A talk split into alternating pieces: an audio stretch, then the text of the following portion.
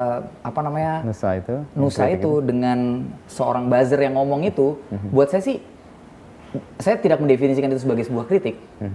Saya malah mendefinisikan itu sebagai sebuah uh, nyinyiran untuk bikin rame aja, membuat polarisasi makin tajam gitu.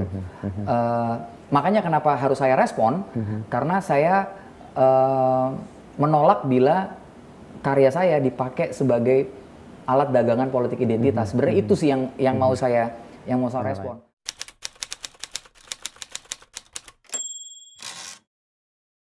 Aku tuh senang banget tadi berita baca berita juga di Kompas si uh, Menkes bilang kalau perusahaan mau beli Ya, dipersilahkan. dipersilahkan. Buat aku itu ya su- Mm-mm, terobosan juga terobosan sih. Maksudnya bukan ngurangin fungsi pemerintah, tapi kalau misalnya perusahaan mau tanggung jawab sama karyawannya kan harusnya diperkenankan aja kan. Gitu dan sebenarnya kan nggak mahal dibanding sih. PCR. PCR, tiga kali, empat kali Wah lipat iya.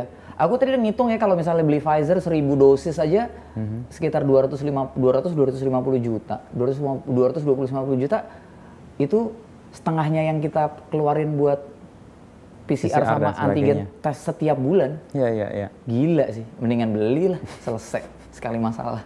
Cuman Pfizer kan kayaknya baru November, oh enggak, Juni Q3. paling ya. Juni Q3 paling. Ya Q3 mungkin baru masuk. Dan dia kan ada syarat yang suhu itu ya. Iya. Mereka sih punya Ya kalau Sinovac juga nggak apa-apa sih. Aku sekarang apa aja diminum juga boleh lah. Eh, Udah capek Tahu banget ya. disuntik, iya sih. Itu ada harusnya jadi game changer sih. Dia memberi perubahan buat orang dengan apa vaksin itu kan. Iya. Harusnya nggak apa-apa aja. Maksudnya pemerintah punya komitmen semua harus gratis. Tapi kalau ada perusahaan mau mau beli, Menginisiasi sendiri. habis itu kemudian perusahaan, habis itu kemudian terjadi apa ya profit taking di situ, ya perusahaan ini kok yang yang membayar kan. membayar kan? Ya udah. Perusahaan juga pasti kan punya kalkulasi sama bagaimana produktivitas dan segala macam Iya, kan. iya. Lebih safe juga sih. Waktu, biaya. aku selalu ngerasa gini loh kita tuh selalu aku suka sama bukunya Obama yang baru tuh yang The Promised Land Oke, ya, ya. asik banget dia bilang dan menurutku approach-nya public policy itu memang harus gitu there is no perfect system Persis, ya. Eh, tapi a- selalu ada better solution.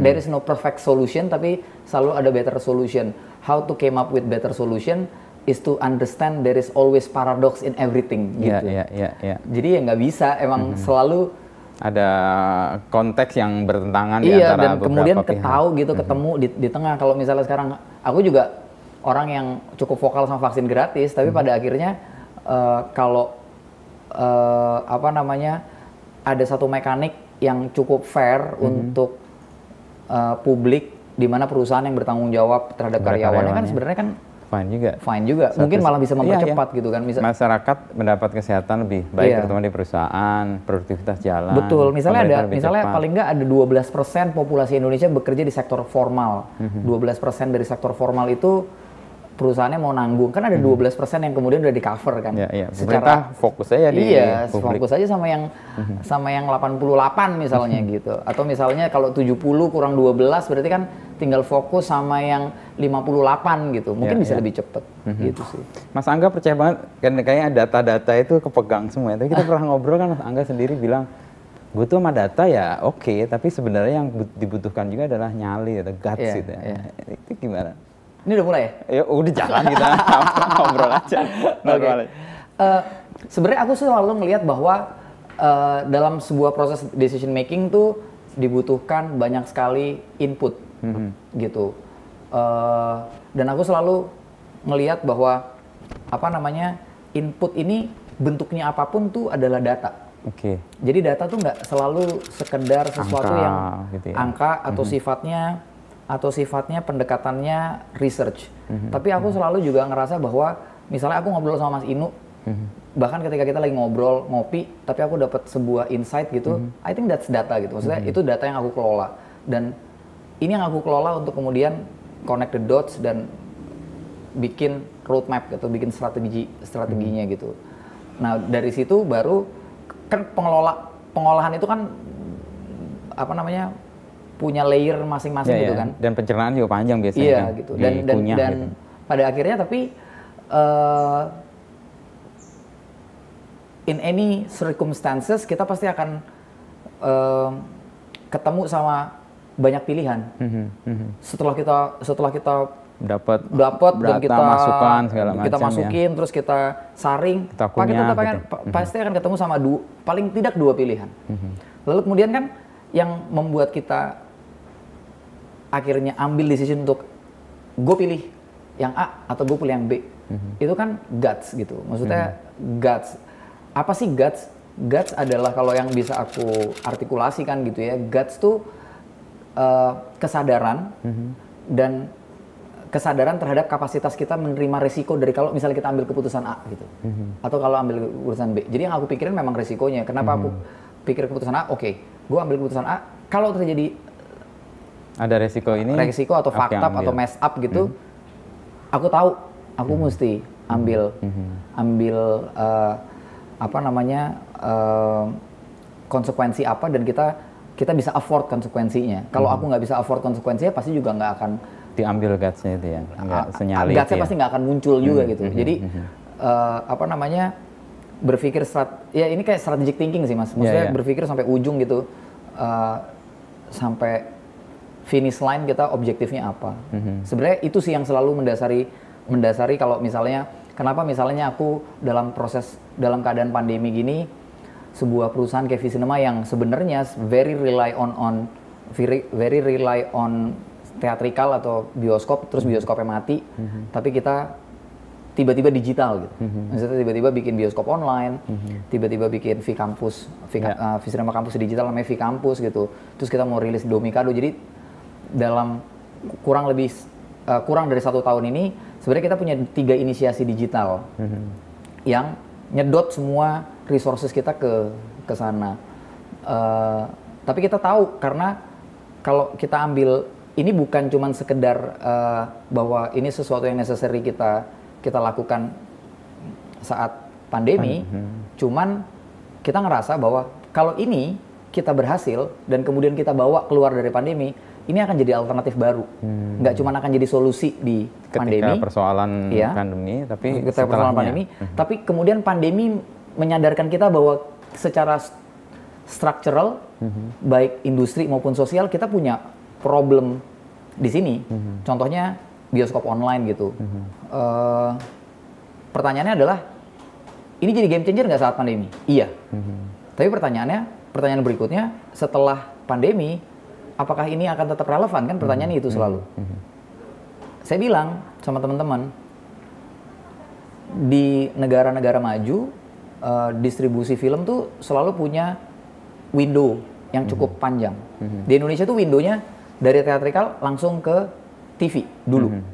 Kita nggak pernah punya bisnis DVD yang ses- Gede, ya. yang, yang yang yang besar kayak di Amerika misalnya. Home video tuh nggak pernah gede di Indonesia. Jadi revenue stream selalu kalau nggak dari digital, eh so- sorry kalau nggak dari teater Ke TV. larinya ke TV. Lalu kemudian muncullah Netflix dan kawan-kawan. Ada presiden sebelum TV masuk ke SVOD atau subscribe video on demand.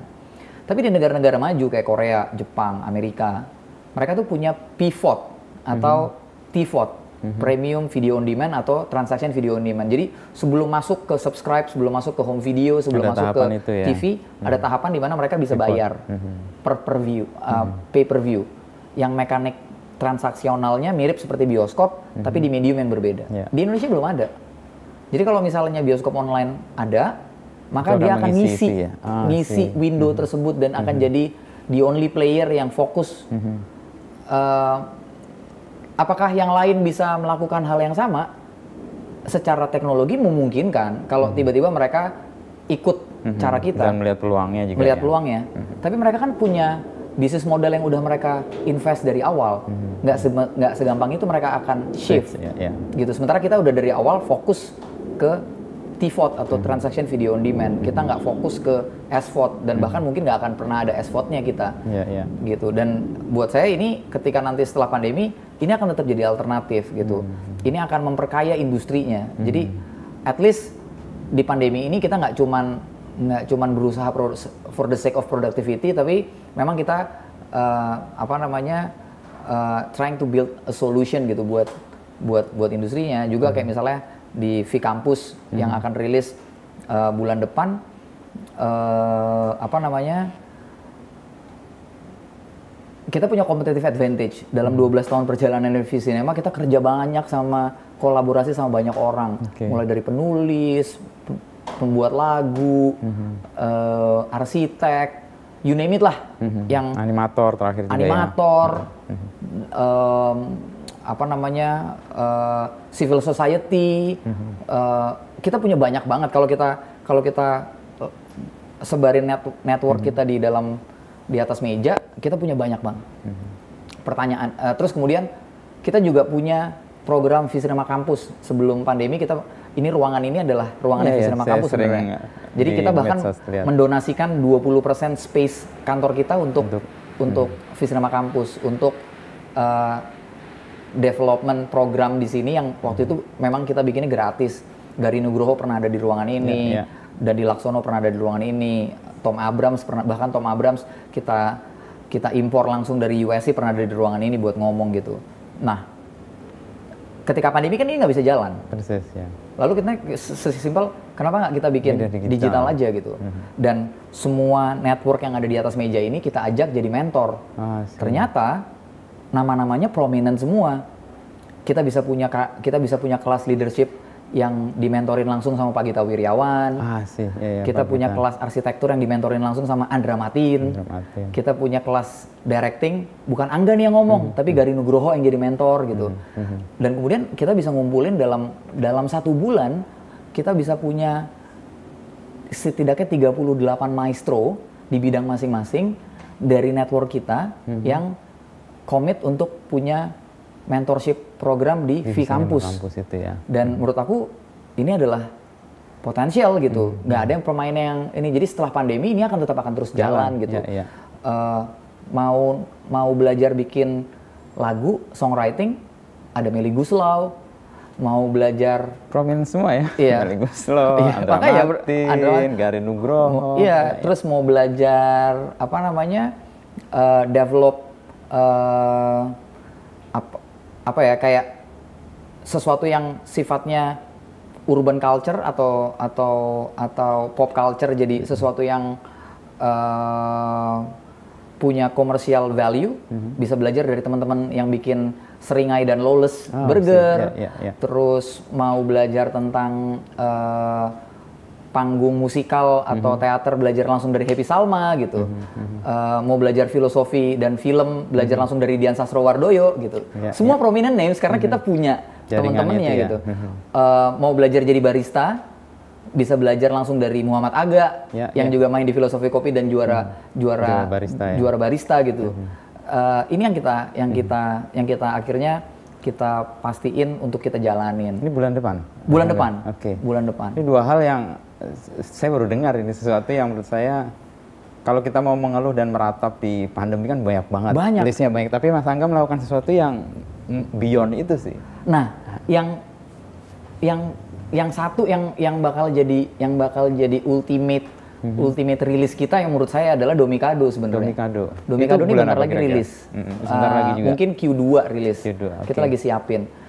Uh, sebenarnya berangkat dari kegelisahannya Anggia sih. Mm-hmm. Kegelisahan Anggia sama saya uh, saya sama istri ngelihat soal apa anak terhadap anak. Oke. Dalam pandemi ini buat saya yang paling menyiksa itu anak. Mhm. yang Orang paling tersiksa Paling tersiksa. Mhm. Paling tersiksa tuh anak. Orang tua tuh punya mekaniknya untuk ngelepas stres. Mhm, Dia lebih dewasa, lebih punya banyak akses. Mau ngapain bisa, mau keluar masih punya ya, ya. banyak lah hal yang Punya bisa. sarana untuk dia melakukan Iya. banyak hal Masih bisa kerja, masih bisa anak udah anak udah apa? Kerjaannya di rumah mulu. Mhm. Kalau punya orang tua yang protektif akan akan akan Di- terkungkung iya, dalam iya, dalam berapa puluh atau berapa ratus meter persegi rumahnya, Mhm. nggak pernah ketemu teman-temannya, anak umur lima tahun nggak bisa curhat sama teman-temannya, Eh, kangen sama kelas, Mhm. kangen sama semua interaksi yang harusnya dia dia dapat. Mhm. Malah kadang-kadang untuk pergi keluar nginjek rumput, dapat matahari aja kekhawatiran tinggi kekhawatirannya tinggi. Terus we came up with, a, with an idea gitu. Gimana kalau kita punya konten yang bisa membuat interaksi anak sama orang tua tuh lebih level up. Hmm. Eh, kita sadarin bahwa di saat pandemi ini akhirnya orang tua harus jadi guru, Persis, ya. orang tua harus jadi sahabat. Jadi Orang koki tua- juga.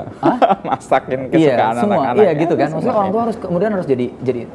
Tapi kita nggak punya platform Indonesia atau Hmm. atau sesuatu di Indonesia yang bisa jadi tools untuk interaksi tersebut Oke. gitu. Nah, ini kita mau bikinin apps yang namanya Domikado itu. Domi- Domikado. Akan ada 25 karakter eh, dengan karakternya masing-masing. Eh, akan ada games, ada segala macam, ada konten dan ini akan multi multi channel multi channel platform dan ini yang akan lagi kita yang akan kita rilis bentar lagi juga. Problem apa yang mau di-solve dengan Domikado itu Mas Angga? Kalau tadi kan ingat istri ya, lalu relasi dengan Sebenarnya sebenarnya gini, pada eh, di pandemi ini paling nggak aku sama istri belajar bahwa eh, jadi orang tua tuh nggak gampang gitu. persis. Maksudnya Saya dan- saya juga Iya. tiga. Jadi orang tua tuh nggak gampang dan aku cuma satu gitu. Iya, iya, Maksudnya iya. gimana yang tiga, gimana yang empat gitu. Dan aku beruntung, maksudnya puji Tuhan masih punya privilege, kita masih punya banyak orang yang membantu kita. Bagaimana yang nggak yang yang nggak membantu? Iya, atau misalnya yang kemudian juga kehilangan pekerjaan, terus akhirnya harus harus nggak bisa ngasih anaknya pendidikan dan memutuskan untuk stop aja deh toh kita nggak sekolah juga gitu. Eh, tapi sebenarnya di titik tertentu kalau kita bisa memberikan sebuah tools kepada orang tua untuk encourage orang tua jadi jadi teman, Teman, ya, atau jadi dan ya. guru kakak buat anaknya dan anaknya juga punya punya sebuah tools di mana dia bisa tetap aktif bisa belajar tanpa harus tanpa harus uh, keluar uang misalnya. Uh, mungkin akan jadi solusi di mana saya kita ngebayangin uh, oke kita nggak akan bisa ngegantiin interaksi Ya, dalam misalnya interaksi langsung uh, gitu ya. kindergarten gitu atau TK gitu tapi kalau misalnya TK-nya bisa jadi digital kira-kira kayak apa ya gitu? Nah ini sebenarnya TK digital sih. Oke, bagian dari TK ya. digital tapi basisnya konten. Jadi konten dan IP jadi kita punya jadi akan kita punya karakternya. Sebenarnya more likely kayak Sesame Street tapi uh, kita coba uh, pakai pendekatan yang lebih yang lebih accessible buat orang Indonesia gitu Oke, oke. Keluarga itu kayak jadi concern yang serius ya buat Mas Angga ya. Bikin keluarga cemara, lalu yang NKCTH itu juga eh, sebenarnya kan relasi keluarga yang kuat ya. Lalu ini Domikado gitu, saya kadang lihat benang merahnya. Seberapa besar faktor atau keluarga di di perjalanan Mas Angga ya dan bagaimana itu diturunkan menjadi sebuah kegelisahan yang kemudian harapannya bisa jadi eh, solusi ya atau eh, membantu orang bisa mengatasi persoalan-persoalan yang hadir. mungkin karena saya sama istri itu nunggu maksudnya cukup lama nunggu anak gitu ya Oke. jadi kita sempat difonis nggak bisa punya anak mas Oke. jadi ah udah kayak itu kayak udah waduh gitu ya down banget ya. Oke. Da- eh, wah ini udah susah dia punya anak katanya dokternya. Em, tapi ab- abis itu kita ketemu satu dokter yang telaten sekali ngurusin kita dan akhirnya kita bisa bisa bisa ketemu sama eh, Angkasa Rigel gitu yang eh, it's a life changing gitu. Maksudnya em, sesuatu yang saya aku sama istri tuh impiin punya anak. Tapi kita nggak pernah menduga bahwa rasanya tuh sedemikian sedemikian nano-nano gitu. Ya ada ups and down, tapi maksudnya iya, iya. eh, ternyata ya gini ya pu- rasanya punya anak hidup jadi punya tujuan. Kita bangun pagi itu buat apa, pulang rumah buat Oke. apa gitu. Jadi eh, Benar-benar ada perubahan ya. Meskipun ada impian sebelumnya terbayang, tapi Betul. perubahannya ketika Rigel hadir itu nyata banget. nyata banget dan dan dan eh, merubah saya luar biasa sih sebenarnya Hmm. merubah saya luar biasa dan eh, secara apa ya secara mungkin unconsciously berpengaruh sama cara berpikir. Ah, unconsciously juga berpengaruh sama proses proses mengembangkan ide. Hmm, berpengaruh sama sama bagaimana saya melihat melihat Persoalan atau persoalan melihat atau bahkan iya. membuka map. Kemudian map tuh map bisnis jadi berubah. Jadi Hmm. Karena jadi- hadirnya. Iya jadi punya insight-insight baru.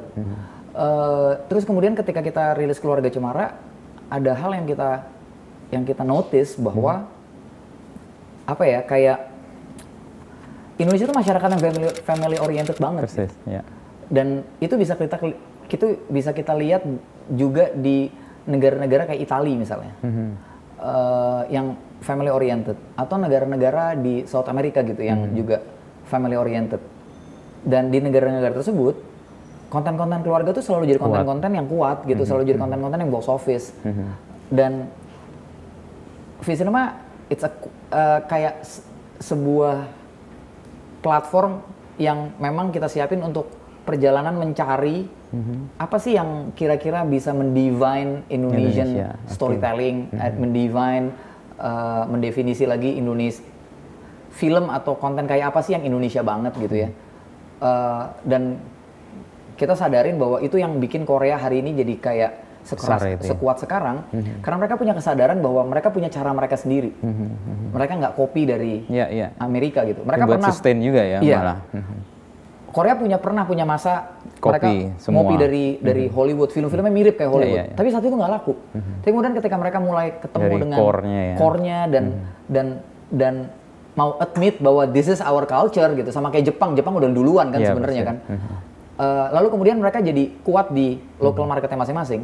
Dan PD juga kan Dan karena itu. pede, Ya, dan karena Dan itu konsisten. dia menjadi Konsisten. yakin dengan identiti. nggak pernah nggak pernah kita dengar bahwa di Korea tuh atau di Jepang tuh kapan kita bisa bisa punya film kayak uh, Star Wars Mhm. Iya, gitu iya. atau kapan kita bisa pu- punya film kayak Marvel enggak Mereka punya Star Wars sendiri. mereka punya Star Wars sendiri Marvel mereka punya sendiri. Mhm. Marvel sendiri mereka punya semuanya sendiri dan itu yang bikin saya sama Anggia tuh penasaran gitu Indonesia. Apa sih harusnya apa Indonesia? sih gitu. Mhm. yang kita bisa embrace dan kita pede Keluarga. ki- kita bangga mungkin keluarga mungkin ya tema-tema keluarga eh, kita bisa bicara tentang kopi yang semua orang mungkin nggak ngopi Iya, tapi iya. when it comes to fatherhood atau relasi ayah sama anak Itu kena tuh. mungkin kena kita mungkin bisa bicara tentang eh, anak-anak hipster kayak di NKCTHI gitu Iya, anak-anak iya, Jakarta Selatan tapi begitu cerita tentang Keluarga. tiga keluarga Oh, tiga ber- banget itu. semuanya kena gitu kita mungkin bisa cerita tentang keluarga Sunda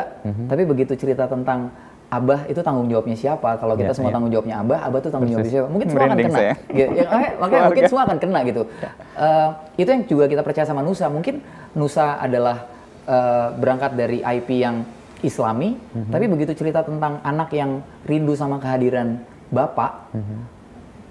lalu kemudian ini mungkin jadi jadi dan perjuangan ibu ngurus anak sendiri, Mhm. ini mungkin akan jadi resonate buat mereka yang juga Mhm. non Muslim gitu. Jadi sehingga kita percaya bahwa tema-tema keluarga bisa jadi jembatan Mhm. untuk eh, selain kontennya juga eh, diterima dan kemudian juga mungkin sih. Iya, kem- Karena ke- semua punya perasaan yang Exactly. Jadi bukan ya. Mhm. sekedar commercially sukses, tapi juga mungkin ini bisa jadi cara untuk kita eh, mel- apa merelaksasi polarisasi yang mungkin hari ini begitu begitu nyata ya. keras gitu. Mungkin ya keluarga gitu. Eh, nilai-nilai yang kita yang sebenarnya kita jalanin sehari-hari, tapi kita lupa buat embrace Mhm, gitu sih. Ya proses untuk menemukan itu kayaknya panjang banget ya Mas Angga ya. Wah, Dan lumayan. keluarga Cemara sebenarnya memberi keyakinan itu sih bahwa tema keluarga lalu NKCTHI juga mudah-mudahan Nusa ini Ya, bisa jadi Ya. pintu masuk juga meskipun ada kritik sana sini ya. Lu Mas Angga lihat kritik itu gimana? Kalau Mas Angga juga iya. sangat yang kritis ya, tapi begitu mendapat kritik dan eh, ketidaksukaan orang gimana? Saya tuh tipe orang yang sebenarnya apa ya, don't give tit gitu sama sama Iya, iya, iya. sama Ada omongan orang sebenarnya. Maksudnya eh, aku tuh belajar dari seorang sahabat, seorang kakak gitu, namanya Mbak Alisa Wahid gitu. Ah, saya kenal Mbak Alisa baik tuh ya, Mbak waktu Alisa. aku awal-awal berproses jadi orang Sleman tuh. Iya. Tinggal di sana dulu. jadi aku berawal-awal proses jadi eh, sutradara gitu ya. Mm-hmm. Mbak Alisa tuh sempat pernah punya satu kesempatan. Jadi waktu itu aku pernah punya tempat di Kemang dan kita sering bikin baku dapa. Jadi ma- Mm-hmm. Oke, makan. bawa ya Ya, arisan, kumpul bawa ya. makan, terus makan bareng-bareng. Di situ ada rahung, ada glen, ada Ah, rahung, eh, ya, ya, ada ya. baga. Jadi semua orang dari segala cara Etnis berpikir ya, tuh ngumpul di situ lah. Ya tempat kita buat ngobrol dan Mbak Alisa tuh suatu hari pernah ngingetin aku dengan satu hal tentang kritik. Dia bilang gini, kita tuh nggak bisa dengerin banyak orang. Kita harus milih orang mana yang Kita dengar. kita dengerin, gitu. Dan pilihlah orang yang Tepat. tepat, gitu.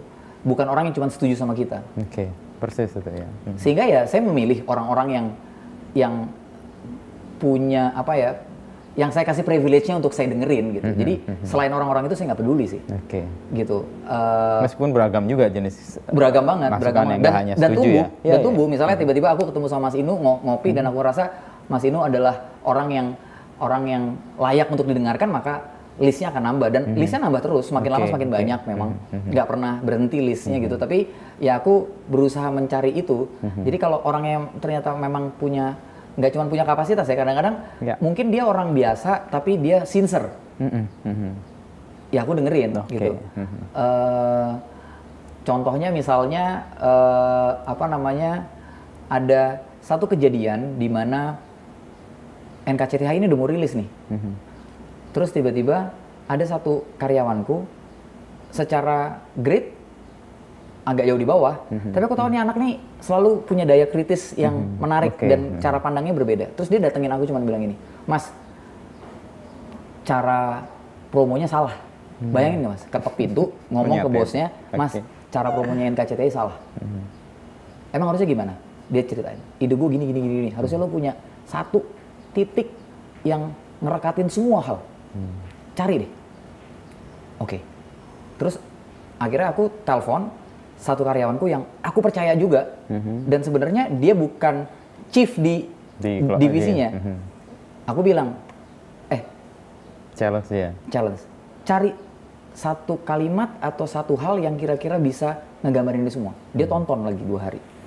Terus dia ke- keluar, Mas, ini setiap keluarga punya rahasia. Oke kita pakai, berubah semua, Mas. Hmm. Semua. Oke. Akhirnya 2 juta, 2 juta penonton. Eh, jadi nggak pernah sebuah proses memang identik dengan seseorang. Kecuali dia misalnya karya kayak pelukis gitu. Ya, ya, Bahkan ya, lukisan dia- pun kita dia bisa nanya orang, bisa ya. nanya ke pelukisnya datang dari mana mana, gitu. Jadi ya. nggak pernah akan ada satu proses yang Pure, ya. pure sama satu orang. Dan eh, apa namanya?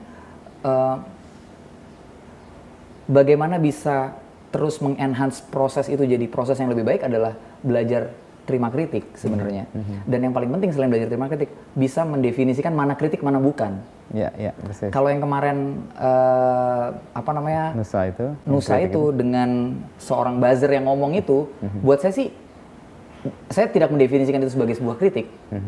Saya malah mendefinisikan itu sebagai sebuah eh, nyinyiran untuk bikin rame aja, membuat polarisasi makin tajam gitu. Eh, makanya kenapa harus saya respon? Karena saya eh, menolak bila karya saya dipakai sebagai alat dagangan politik identitas. Sebenarnya itu sih yang yang mau saya yang mau saya respon. Misalnya dia bilang, misalnya saya mau jawab, misalnya eh, Felix Xiao gitu terlibat di di Nusa. Saya bisa bilang Felix Xiao tidak terlibat di Nusa. Tapi apakah teman-teman beberapa teman yang bekerja di Nusa nggak boleh temenan sama Felix Xiao gitu? Maksudnya ini kan dua konteks yang berbeda. Iya. Ada konteks kreatif, ada konteks personal masing-masing. Apakah misalnya salah satu uh, partner saya punya punya apa namanya pun- percaya sama saksi Yehova misalnya, terus kemudian dia nggak layak kerja Untuk sama saya, sama, kan enggak maksudnya juga. Mhm. itu kan ma- malah tidak toleran gitu kan. Mhm, Konteks pribadi sama konteks bekerja harusnya uh, dipisahkan. ya. Ya, ya. Eh, yang saya percaya film Nusa sampai titik ini Anggia, teman-teman Little Giants, teman-teman Rian Adriandi yang juga head of studio film animation eh, masih membuat film yang sangat merepresentasikan visi-visi cinema selama 12 tahun terakhir Dan itu dijaga. dan itu dijaga. Eh, kita bikin Cahaya dari Timur, kita bikin Surat dari Praha, kita bikin Filosofi Kopi, kita bikin Keluarga Cemara, kita bikin NKCTHI. Itu yang membuat saya ngerasa nggak usah panjang-panjang saya ngenanggepin Denny Siregar karena saya punya saya Track punya record ya. saya punya track record, Oke. saya punya integritas yang saya jagain selama 12 tahun saya berkarya, visi berkarya dan ketika nanti orang nonton Nusa mereka akan tetap lihat integritas itu tetap terjaga. Kita butuh bertahun-tahun untuk bisa punya box office kita pertama. Kita mulai film bikin film pertama kita Cahaya dari Timur itu tahun 2014. 2014 ya. Box Setelah office pertama. lama tadi ke Iya. Mentawai ya. Setelah lama di Mentawai, eh, jatuh bangun, Ketemu kakak Glenn. ketemu ketemu kakak Glenn. Terus kita ketemu, kita akhirnya bisa punya box office pertama di tahun 2019. Itu setelah lima tahun. Itu Dan satu hal yang, Cemara itu ya. keluarga Cemara. Dan satu hal yang saya sangat bangga sama sama entitas ini sama kelompok ini adalah kita mendapatkan box office pertama pertama tanpa keterlibatan besar saya jadi saya nggak terlibat hmm. secara Langsung. masif hmm. Hmm. karena produsernya Anggia sama Gina hmm. direkturnya Yandi oke okay. jadi nggak ada sayanya hmm. gitu penulisnya Gina sama Yandi nggak ada sayanya tapi kemudian uh, kelompok ini berhasil nunjukin bahwa nggak butuh angga hmm. buat Untuk. bisa sukses hmm. Hmm. yang kedua nggak butuh merubah visinya perusahaannya atau visi yang kita selama ini kita itu perjuangkan. untuk hmm. perjuangkan untuk bisa sukses. Hmm. Jadi jadi konsistensinya ada, tapi kita juga melakukan perubahan. Uh, di mana di mana influence saya sangat rendah, kemudian malah bisa sukses hmm. gitu. Jadi hmm. sebenarnya uh, uh, banyak dari situasi itu tuh belajar aku banyak belajar banget bagaimana hmm. giving trust, yeah, ya. bagaimana yeah. terima kritik, bagaimana hmm. membuat ruang, hmm. nggak selalu harus pakai kacamata kudaku gitu. Hmm. Dan dan turns itu berhasil. Jadi uh, apa namanya kalau sekarang ada satu kelompok atau dua kelompok atau bahkan tiga kelompok berusaha menyerang Nusa dengan cara polarisasi, hmm.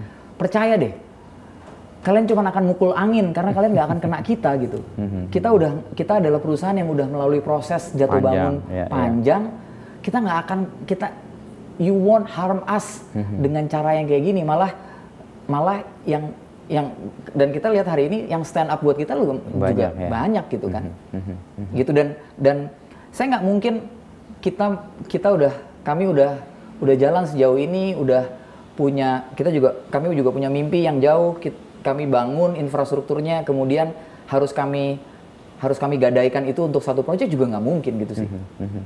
gitu. Kalau soal kritik tadi, Mas Angga kan juga di medsos itu cukup vokal ya, di hmm. antara apa orang-orang yang aktif di media sosial.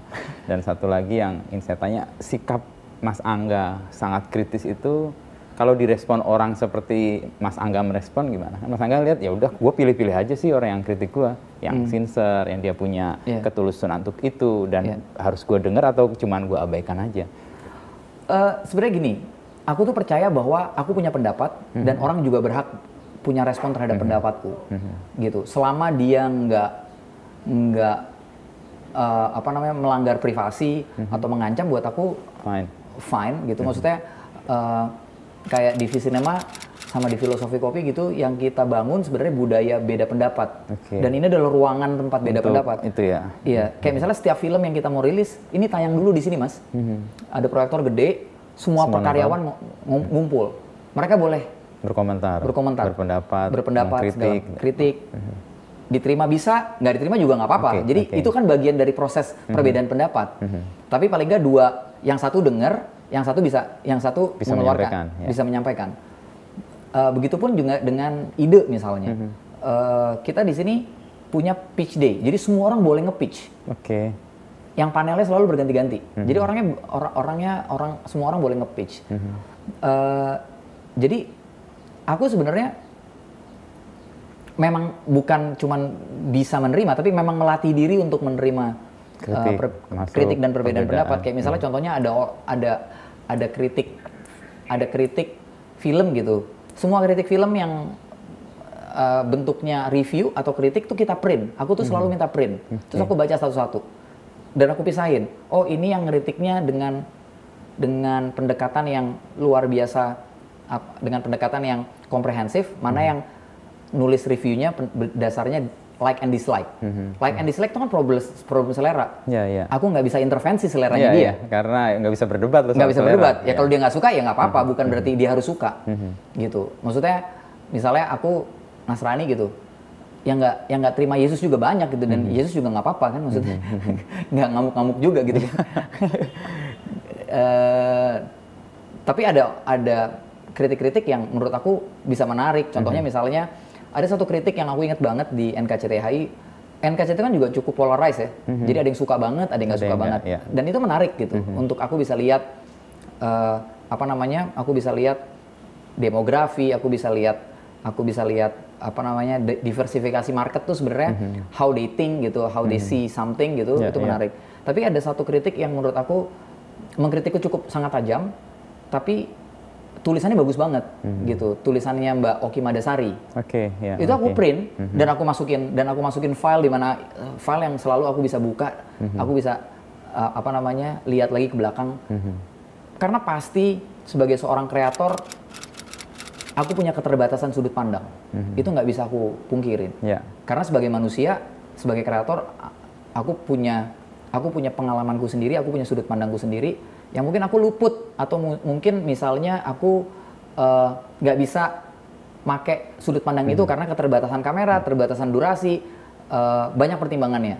Dan sudut pandang sudut pandang itu tentu perlu aku aku butuhkan untuk membantuku tumbuh sebagai seorang kreator yang lebih peka, seorang kreator yang yang lebih eh, apa namanya, yang lebih apa eh, punya empati gitu, yang lebih eh, meningkat supaya intelektualku juga berkembang. Dan eh, hal-hal itu sebenarnya yang membuat aku jauh bisa bisa apa ya bisa punya sikap-sikap lebih kritis. Karena aku aku sebenarnya eh, kreator yang juga salah satunya yang tidak hanya dibangun oleh pengalaman di jalanan tapi dibangun oleh dialektika dialektika tersebut Dengan orang lain. dari orang lain Dengan sudut pandang yang berbeda. Iya, malah misalnya contohnya Visinema tuh minta seorang sko, aku nggak bisa sebut na- nggak usah sebut namanya, tapi dia scholar S3 di Inggris film studies. Oke. Kita kasih semua film kita, Mm-mm. Untuk dia lihat. tulisin dong, apa sih yang kita li, apa sih yang menurut kerjakan. anda kita kerjakan yang kita luput gitu. Eh, dari pendekatan apa? Jangan cuma dari teknis, tapi dari pendekatan kultural, dari pendekatan sosial. Udah dari- jalan? Udah jalan, udah Dan jalan. pasti memperkaya ya. Wah, luar biasa. Dari ruang yang tadinya nggak dilihat atau Wah benar, yang- luar biasa. Jadi kayak misalnya eh, a- ada nggak sih dalam konteks dalam apa yang udah kita buat di belakang, Hmm. kita punya problem melihat isu gender misalnya, itu kan penting. Maksudnya Iya, iya, iya. sensitivitas itu Nggak perlu. sadar kan kita iya, ya, kita nggak sadar dan kita perlu melatih sensitivitas itu perlu dilatih supaya eh, teman-teman di sini termasuk aku juga eh, ya punya upgrade gitu yang secara intelektual, secara empati, secara kepekaan Iya, nggak gitu. melanggengkan apa yang sudah Iya. bertahun-tahun di Iya. Karena dari lima prinsipnya Visinema dalam berkarya kita punya satu namanya progres. Jadi itu yang Progress. selalu kita cari. Jadi ko- progres itu nggak sekedar secara teknis juga, Ya, tapi ya. juga secara eh, apa namanya eh, eh, pendekatan, gagasan gitu, pendekatan berkaryanya, gagasannya gitu gitu. Ya, progres yang tadi saya dengar dari Mas Angga banyak karya yang memberikan milestone Mas Angga nggak les inilah nggak banyak terlibat ini kan sebenarnya juga progres kan Iya, artinya kan iya ini dong. jadi ruang yang Sangat. terbuka untuk orang Iya. bisa berkembang bahkan mungkin Angganya sendiri akan makin surut tetapi Betul, betul. sesuatu yang lain bisa tumbuh ini kan problem dari banyak perusahaan atau banyak rintisan ketika founder atau ketika pemiliknya gitu ya sudah tidak aktif lagi nggak bisa mulai ini Mas Angga udah merintis ini dan terbukti sebenarnya apa itu sudah di bagian dari kepikiran hal progres? Sebenarnya karena eh, tesisnya dimulai dari waktu saya pertama kali melihat waktu saya pertama kali dapat pendanaan investasi dari equity partner yang masuk gitu, terus saya mulai masuk ke dunia dunia startup lah ya kasarnya ya, maksudnya. iya. Dan di situ ada satu frase yang saya terganggu. Kalau misalnya si investor tuh cenderung invest in founders. Oke. Benar bahwa founders tuh adalah key-nya, juga ya. tapi eh, saya mengganggu karena mereka nggak bisa cuma lihat saya gitu. Mer- Mereka juga harus lihat bahwa secara ekosistem perusahaannya tuh mampu, bukan sekedar bahwa kita bahwa kita bisa afford narik talent-talent terbaik termahal untuk kerja di perusahaan kita, tapi bagaimana dia tumbuh dari dari yang sebelumnya jadi eh, perusahaan yang bisa punya kapasitas buat nurture. Gitu. karena saya percaya banget sama nurturing.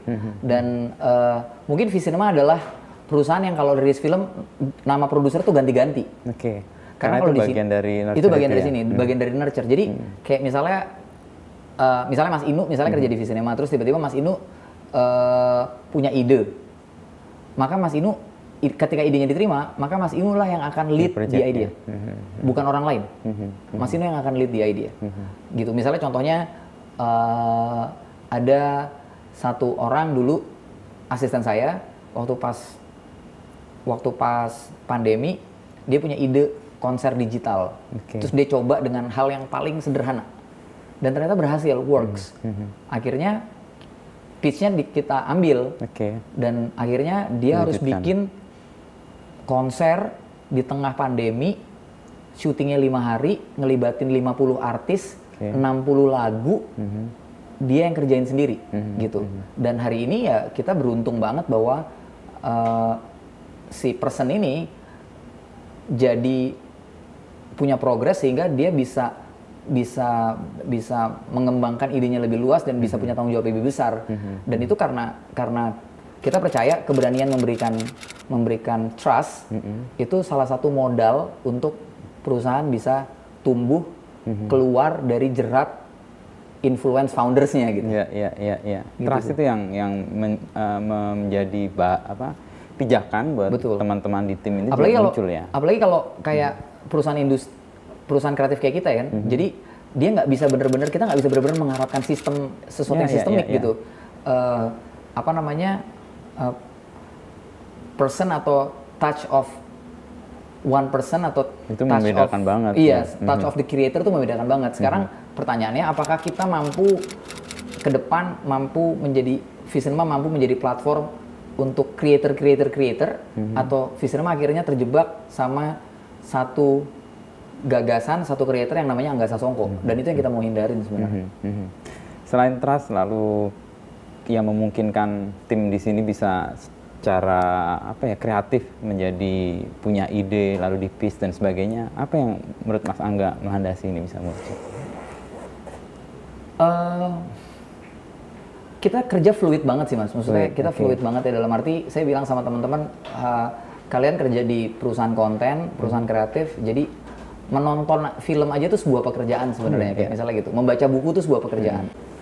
Fluid banget lah ya. Ya di pekerjaan. Visinema tuh fluid banget gitu, maksudnya kerja tuh eh, nggak punya dibikinnya ruang juga terbuka Iya, dan banyak dan ya open semua. nonton film tuh nonton film, main game tuh pekerjaan gitu.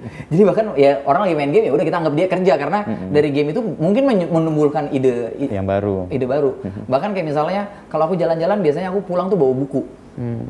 Aku pulang bawa buku, oleh-olehku buat temen-temen tuh buku, terus bukunya disebarin sama chief of staff aku disebarin, Baca, cerita. baca, terus saling cerita. Ah, ini Gitu. persis kayak Pak Yakob zaman masih muda tuh. Nggak tahu Kalau aku. keluar negeri selalu Iya. pulang bawa buku dan bukunya dikasih ke Iya. wartawan yang dia percaya, habis itu taruh perpustakaan untuk dibaca yang lain juga. Nah kalau ini misalnya ini buku-buku nih ya, ini Oke, buku-buku bisa diambil, bisa diambil dan Dibawa, eh, baca. Biasanya malah dikasih tugas, Oke. kasih satu buku, lo harus bikin presentasi, lo ceritain apa yang lo baca. Hmm, hmm, Dan itu terjadi, itu Mhm. se- sebuah sebu- budaya yang kita yang kita kerja- yang kita yang kita Lakukan. ini yang kita lakukan. Kayak misalnya contohnya ada satu misalnya kayak di Netflix waktu itu ada satu ada satu ada satu series yang jadi omongan satu Mhm. satu kantor, judulnya Sex Education. Iya, iya. Ya udah, tunjuk aja satu kelompok, Untuk- tonton. Dan cari Terus insight-nya lu, iya, apa? lu cari insight lu ceritain ke semua. Jadi kita kemudian bikin bikin forum panel. gede, Hmm. mereka cerita, "Oh, itu kayak gini Ah, gitu." Dan oke. dan eh, ya pendekatannya memang pendekatan pendekatan brainstorm Hmm, gitu, pendekatan untuk semua orang di encourage untuk punya pendapat, semua Iya, orang iya. di encourage untuk punya ide. Makanya gitu. terlecut itu ya. Iya. Nah, aku marah kalau dalam meeting ditanya siapa yang punya ide, diem. Gitu. ini ini hari ini kayak misalnya contohnya minggu lalu ada meeting, brainstorm meeting, ada momen 10 menit diem. Ada siapa yang punya ide, diem. Oke. Marah. Aku bilang stop. Keluar cari dulu ide. Minggu depan harus ada meeting lagi. Berarti meetingnya nggak selesai hari ini. Minggu depan satu minggu ini semua cari ide. Minggu depan harus ada ide. Gitu. Fluid tadi yang membentuk kemampuan orang juga untuk mudah beradaptasi ya atau menerima perubahan-perubahan.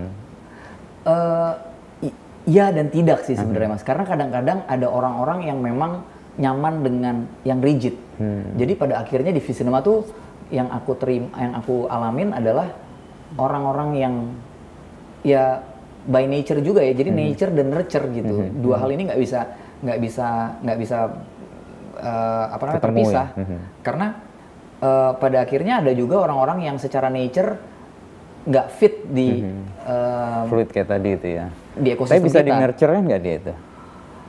Eh, somehow ada yang bisa ada yang enggak. Kalau Hmm. misalnya emang ada orang yang memang uh, nature-nya nggak di sini, kita nggak bisa paksa. Hmm. Dan dan kita punya punya beberapa hmm. gitu. Dan bahkan beberapa teman-teman yang lama, maksudnya generasi awal juga pada akhirnya ketika mulai dulu misalnya kerjanya kecil, hmm. terus kerja dengan dominasi saya, okay. uh, eh, bahkan aku tahu siapa pacarnya, aku tahu siapa masalahnya apa ya. segala macam. Uh. Terus kemudian makin gede, hmm. kan nggak bisa nggak seperti aku yang detail itu ya. Iya dan dan kemudian aku juga tidak ingin menjadi rigid, aku hmm. malah ingin menjadi fluid gitu hmm. kan.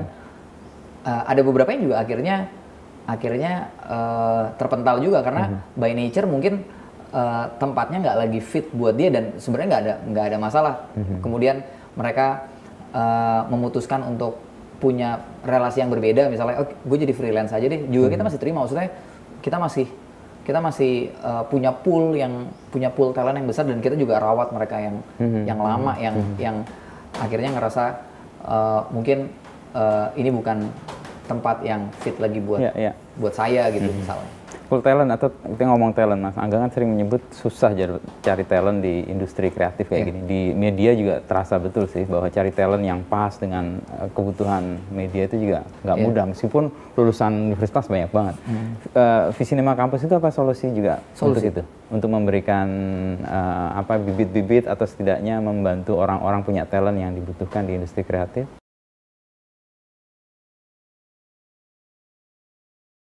ekstrim itu harus dikalibrasi ulang. Kata ekstrim itu harus dikalibrasi ulang bahwa hmm. yang ekstrim atau ekstremis itu nggak hanya berkaitan atau bisa dikaitkan dengan orang yang misalnya konservatif. Hmm. Sekarang kan kita selalu kita ekstrim selalu melihat yang konservatif itu ekstrim. Lu hmm. ekstrim banget sih. Hmm. Padahal yang liberal bisa ekstrim dengan yeah, liberalisasinya, dengan liberal, liberalismenya, yeah. liberalismenya hmm. kapital bisa sangat, sangat ekstrim, ekstrim dengan kapitalismenya, yang, sosial yang sosialis juga bisa sangat ekstrim, yang komunis bisa sangat ekstrim dengan komunismenya gitu kalau semuanya ekstrim, ya akhirnya kayak hari ini, iya, iya, semuanya semua polarized. Mm -hmm. Yang yang nasionalis ekstrim dengan nasionalismenya, mm -hmm.